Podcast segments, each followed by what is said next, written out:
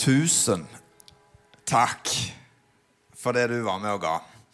Vi er på vinnerlaget. Det er helt sikkert. Dette kommer til å gå veldig bra. Det er jeg helt overbevist om. Samtidig så er det noe med å bare kjenne på at dette er noe vi faktisk våger å være ærlige på og eie i sammen.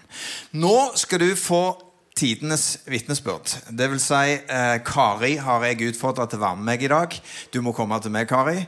Eh, rett og slett er det Jeg tror det er en gudtråd. Så den siste biten nå av møtet, den eh, Eh, den tror jeg kommer til å gå i tråd med det vi har gjort så langt. Men Kari, du skal få lov å dele litt av det som eh, du har fått på ditt hjerte.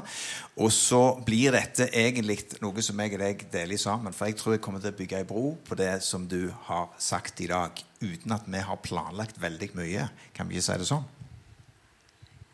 Planlegging har ikke vært den sterke sida akkurat.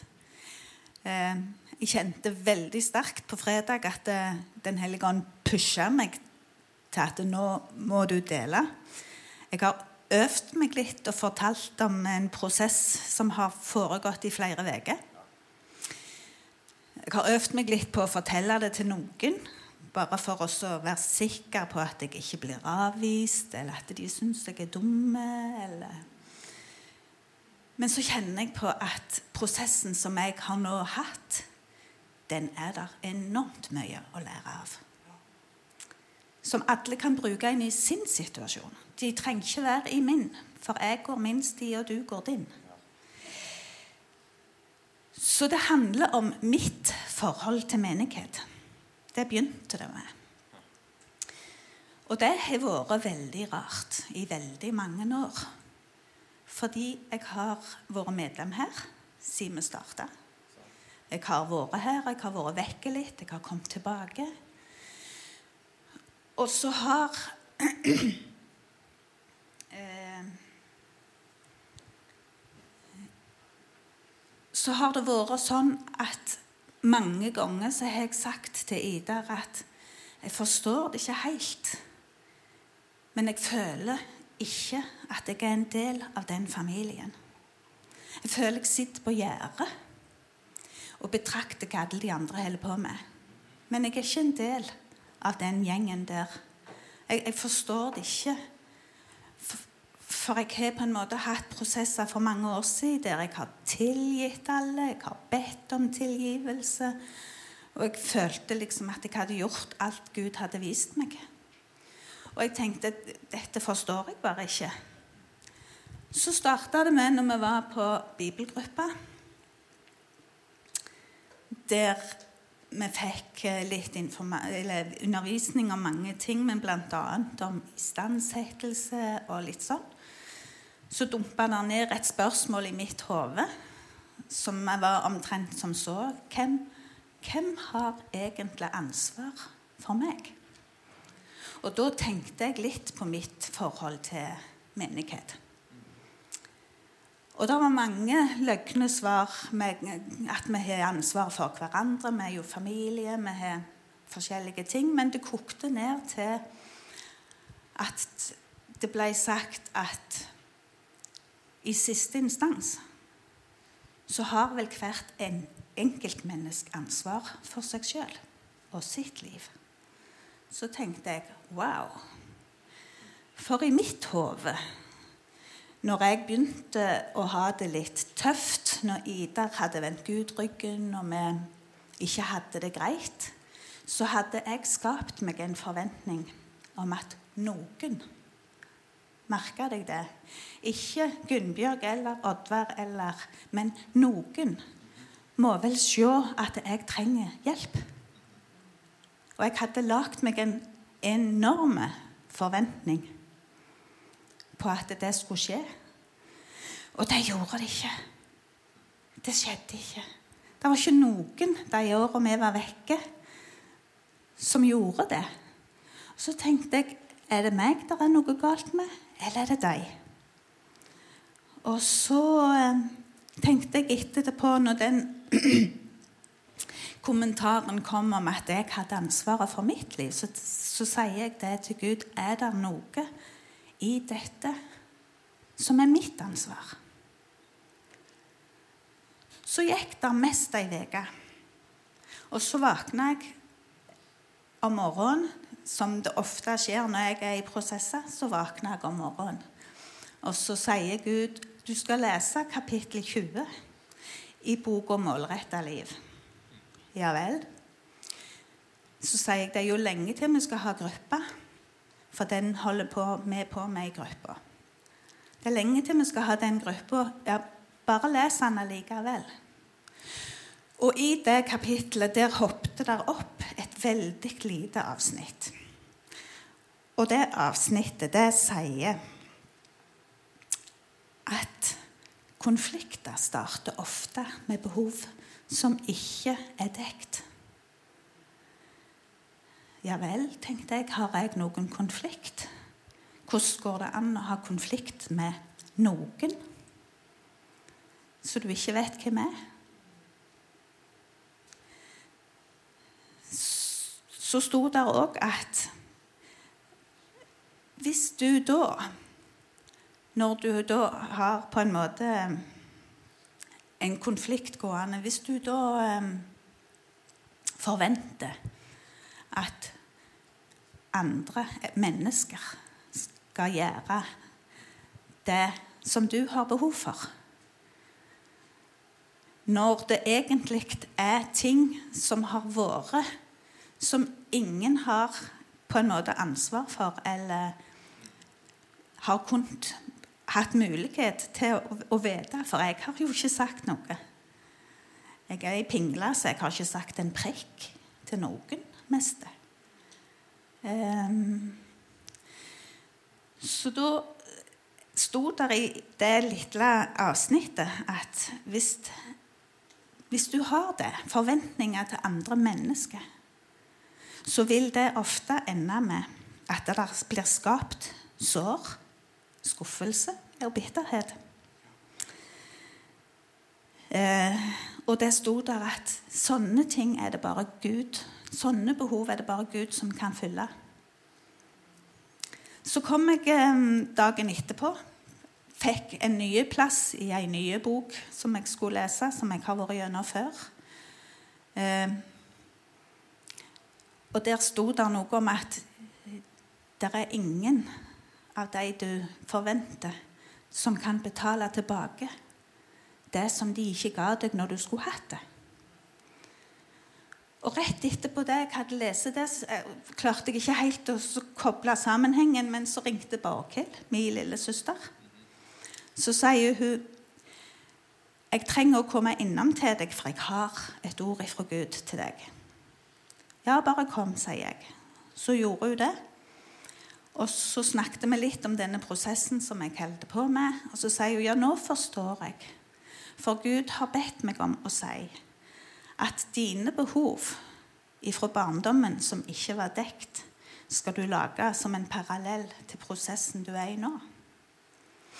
Og mine behov som ikke var dekt når jeg var liten, det var at ingen hadde tid til meg. Den tanken var sånn eh, cirka tom i, i, i, nesten hele mitt liv. Jeg eh, kan ikke huske at jeg har kjent at den har på en måte vært full.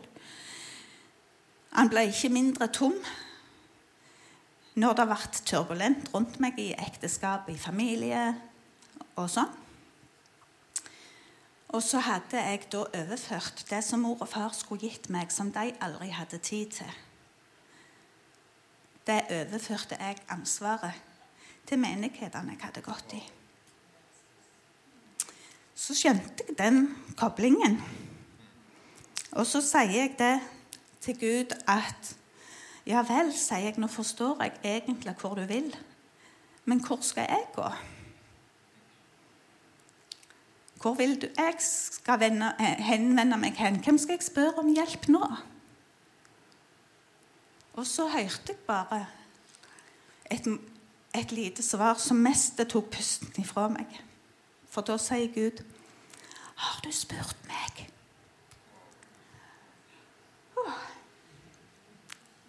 Det var vanskelig. For da måtte jeg bare innrømme at det hadde jeg ikke gjort. Jeg har ikke det, sier jeg. Jeg har ikke spurt deg. Jeg har ikke spurt deg. Men jeg vil gjøre det nå. Jeg vil spørre deg nå Kan du dekke det behovet som jeg har hatt fra jeg var liten? Og kan du lege det såret som er på mitt hjerte? Og da kom han. Jeg var der i stua mi helt alene. Og jeg kjente bare veldig, veldig tydelig Guds nærvær. Det var enormt sterkt. Jeg torde mest ikke røre en finger, for jeg var så redd det skulle forsvinne. Og så ga han meg Det ble mest som en liten film der jeg så hjertet mitt. Jeg så såret. Og jeg så honning som rant seint over hjertet, over såret. Og når honningen hadde passert, så var det bare et arr igjen. Og så tenkte jeg etterpå det ble, jeg, jeg, visste ikke helt hvordan jeg skulle liksom gjøre med dette. Og, og, sånn så tenkte jeg hva vil du, Gud, jeg skal bruke dette til? Har jeg nå på en måte fått fjerna en, en bauta som jeg har jobba i mange år med, eller er det en bjelke i øyet mitt som nå er vekke, så jeg kan hjelpe noen med ei flis? Så tenkte jeg nei, det er ikke bare det. Og så kjente jeg at, at jeg er jo mye lettere. Jeg må ha iallfall fått lagt av meg en byrde. Men mest av alt så tror jeg jeg kjenner på at Gud ønsker at jeg skal bli helt fri. Til bare å være hans barn. Så da tenker jeg jo at Jeg sa det til Ida, var det sikkert i går, at for første gang på det jeg kan huske, så kjenner jeg at jeg har et ønske, et sterkt ønske om at jeg kan klare å bli en del av denne familien. Ja, det er verdt en applaus.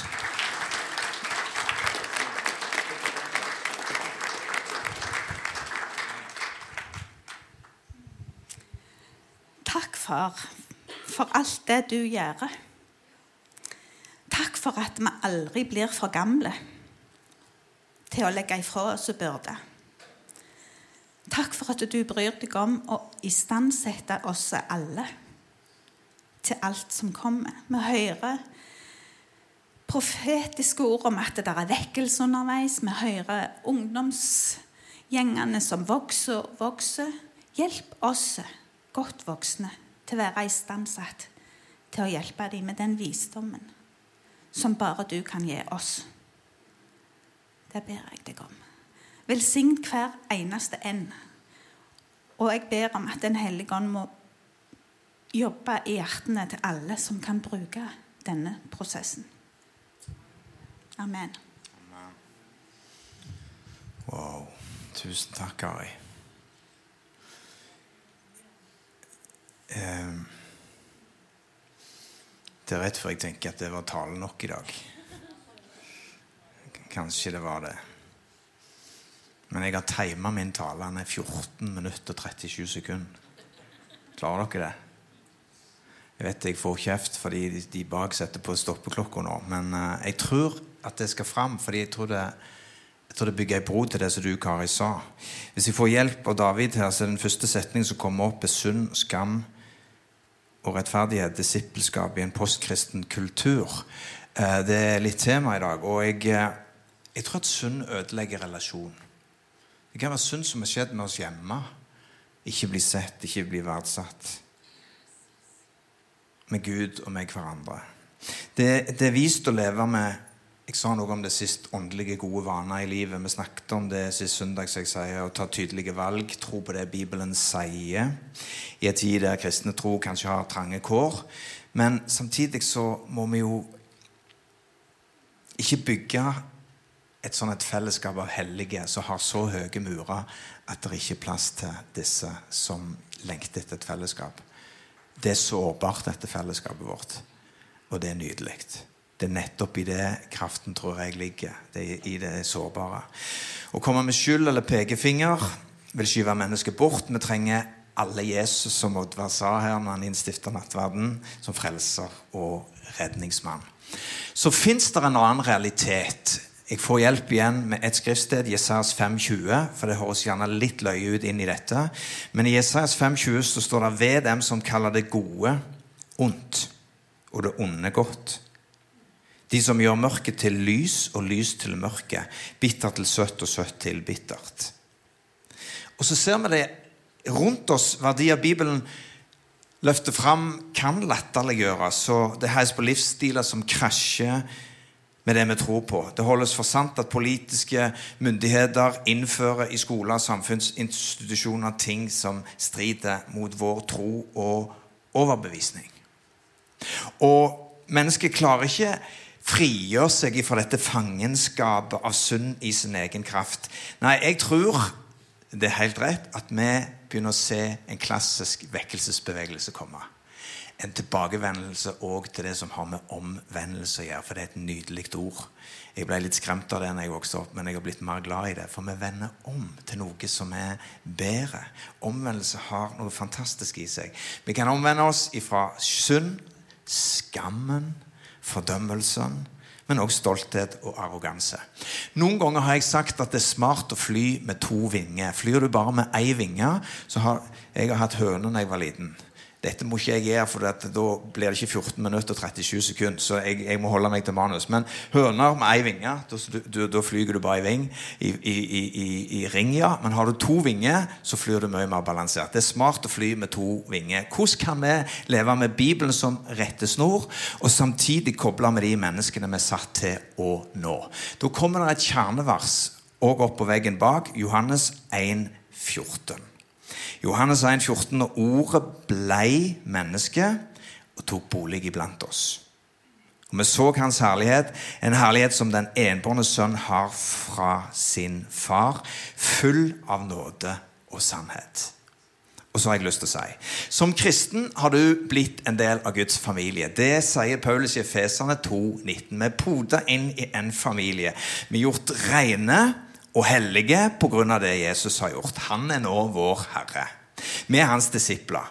Og Paulus kaller menigheten for eklesia, de som er utvalgt, som nå lever etter andre etiske regler. Jeg sa noe om det sist gang. Altså Sannheten må ligge som et fundament. Fordi Jesus er veien, sannheten og livet.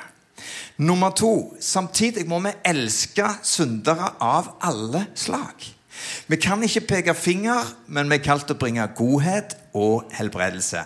For Bibelen sier også for sånn som han er, sånn er vi midt i denne verden. Og han gikk omkring overalt og helbreda de som var under kua av djevelen, for Gud var med han.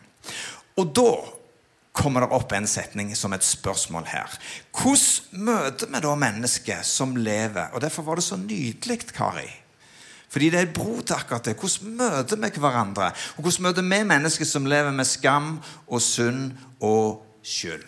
Det kan være våre arbeidskollegaer, det kan være menighetsfamilien vår. Det kan også være familien vår. Jeg har litt kompetanse og litt erfaring på det. Første punktet er vær ydmyk. Husk hvor du kommer ifra. Vær ydmyk i møte med folk. Husk hvor du kommer ifra. Fordi vi alle og har alle et behov for en frelser. Vi er ikke bedre enn, men vi er fortapt uten Jesus. Og det er smart å minne seg sjøl på at du ikke er din egen frelser. Når ordspråksboka snakker om visdom, så er den alltid kobla til ydmykhet. Derimot er dumskap, eller dårskap, som Bibelen snakker om i ordspråksboka, kobla til håmot. Lev med en ydmyk tilnærming til mennesket du har rundt deg. Det bygger tillit. Pekefinger er veien til avstand og fordømmelse. Betyr det at vi skal la vitnesbyrdet vårt være stille? Nei. Del vitnesbyrdet ditt. Del troshistorien din med mennesket. Punkt nummer to. Elsk mennesket sånn som de er, ikke sånn som du ønsker de skal være. Elsk mennesker sånn som de er, ikke sånn, at, ikke sånn som du ønsker de skal være. For ikke glem den største kraft i livet er kjærligheten. Og det største våpen er bønnene dine. Kanskje jeg taler til noen som strever litt med ungene dine eller familien din. eller det du står i. Største kraft i livet er kjærligheten. Største våpen du har, er bønnene. Og uten vi alltid er klar over det, så kan vi risikere å legge press på mennesket. For det vi ønsker så sterkt, eller til og med kanskje profeterer at de skulle vært. Tanken er god, men la mennesket kjenne at de er verdifulle og elska. Ikke fordi de endrer seg til det jeg ønsker, men fordi de har en verdi i seg sjøl. Jeg tror det er bra at vi våger å tenke sånn. Det handler om mer enn ordene våre, det handler om holdningene våre og kroppsspråket vår. Jeg vet litt om det fordi meg og Gunnbøg har ikke strevd så mye, men vi har tross alt fire gutter som har jobba med oppdragelse. Det handler om mer enn ord, men det handler om handling og holdning. Du elsker ungene dine, ikke fordi de kommer til å bli, eller hva de kan gjøre for deg, men fordi de er akkurat nå. Og Det betyr ikke at du skal gå på kompromiss med det du står for og tror på. Eh, men husk at du må fly eh, og la sannheten gå i sammen med nåden. Du trenger begge de delene òg i møte med barna dine. Punkt nummer tre ikke brus med, hvis du forstår det, ikke brus med vingene dine foran en som er nedbrutt. Hør nå. Kanskje du har vært der. Jeg har gjort det noen ganger. og Det handler litt om motivasjon, selvfølgelig. Men hør nå her. Dette har vært min vei til suksess. Bare gjør det sånn. Nå må du reise deg opp. Du må leve i tro, ser du. Slutt å synes så synd på deg sjøl. Jeg gjorde dette, og se hvor godt det fungerte for meg. Både Gud og mennesket berøres ikke av vår evne til å brife, men av vår evne til å elske. Han elsker deg ikke mindre når du var blakke og hjelpeløse, enn nå når vi kanskje er litt rike og mektige. Det er sant for oss alle. Gråt med de som gråter. Le med de som ler. Ha barmhjertighet med deg. Jesus forteller en lignelse i Matteus 18 om tjeneren som var tilgitt en ubetalelig gjeld, men som ikke viste nåde mot en bror som skyldte han noen få kroner. Vis medfølelse, vær ikke vis i egne øyne. Det fører bare til hovmod og fall. Jeg har to punkter igjen. Gi mennesket håp uten å kreve forandring. Gi mennesket håp. Jeg har tatt meg sjøl i å si noen ganger 'Jeg tror du kan, eller du bør endre deg'. Men så har jeg tenkt litt av og til Kanskje det jeg egentlig sier, er at jeg tror egentlig det er noe galt med deg. Så hvis du bare følger min oppskrift, så kommer dette til å gå bra. Målet kan være å oppmuntre, men i stedet formidler jeg at du ikke strekker til eller er god nok. Mens empati kommer alltid nedenfra og løfter og bærer. Det gir kraft til det svake uten å fordømme. Sannheten kan være viktig, men uten nåde så ender sannheten bare opp som et speil på feil og mangler. Sannheten kan du slå med, sannheten kan du løfte med. Når vi for fort stuper inn i folks liv for å fikse dem, så sier vi egentlig, og jeg har tatt meg i det, du er egentlig litt dummere enn meg. La meg fortelle deg hvordan du skal fikse dette. Jeg har funnet ut én ting. Det er vist i forhold til ungene dine og familien din. Gode spørsmål er bedre enn gode svar. Fordi hvis du stiller de gode spørsmålene, og mennesket sjøl får komme opp med svaret, så får de eierskap, og det de eier sjøl, har de ansvar for, responsibility, og de får gjort noe med det framfor at du blir deres profet og den som skal frelse dem. Siste punktet være oppriktig interessert i mennesket. I Young Life så snakker de om å fortjene for å bli hørt. Med andre ord så vil mennesker rundt deg Gi deg talerett i den grad du har vist tillit og faktisk lytta til dem.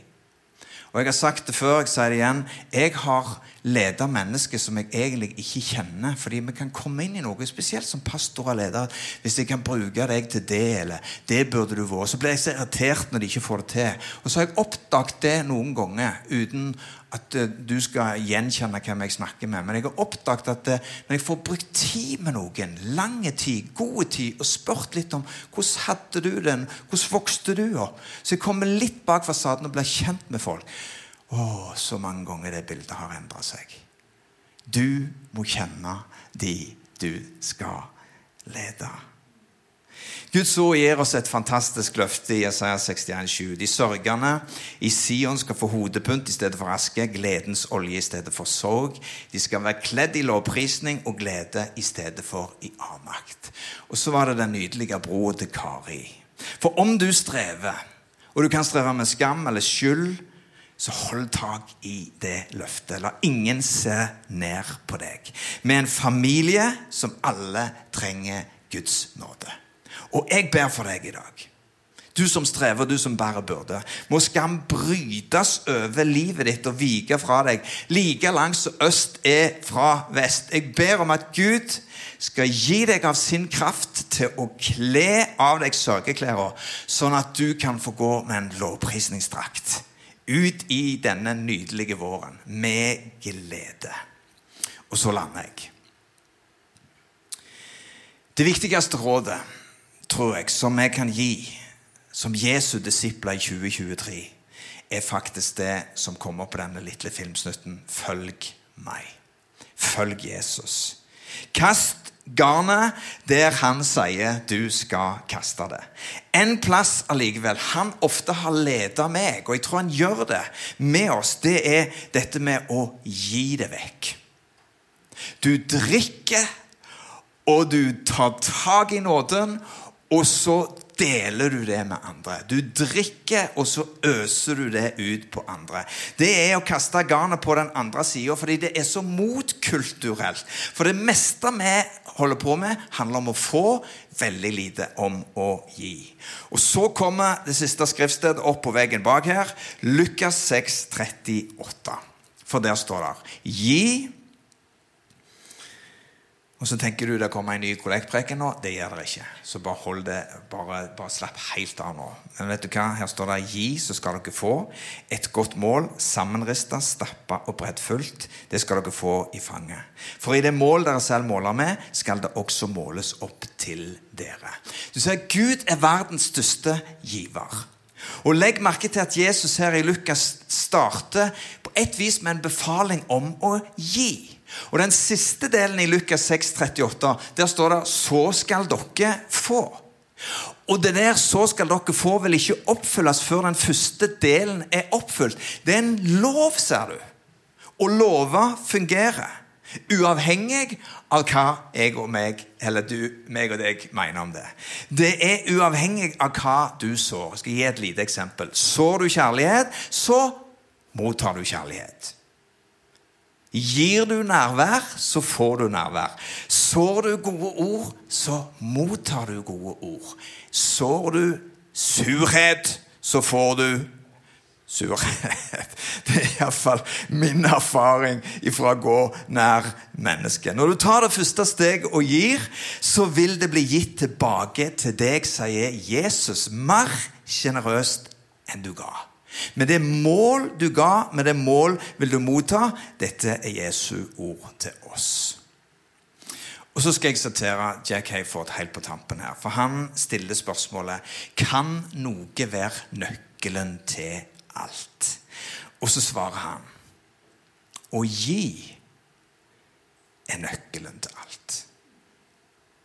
En holdning av å gi utvikler ydmykhet i hjertet, og ydmykhet er døra til Guds favør. Hvorfor, Hvorfor er det å gi en nøkkel til alt? Jo, fordi vi da er mest lik vår far. Så hvordan vi gir, påvirker altså livet vårt. Og Jeg har så lyst til at du også skal bare få lov å få tak i det. Vær en giver. Vær rause, sjenerøse med mennesket. Vi trenger denne sjenerøsiteten i forhold til hverandre. Gi av det du har fått. Lekk masse i den tida som kommer. La den nåden som du tar imot, og den du drikker, frigis til andre mennesker som du har rundt deg hver dag. Det er Guds gode plan. Vet du hva Bibelen sier? Du er velsigna for være en velsignelse.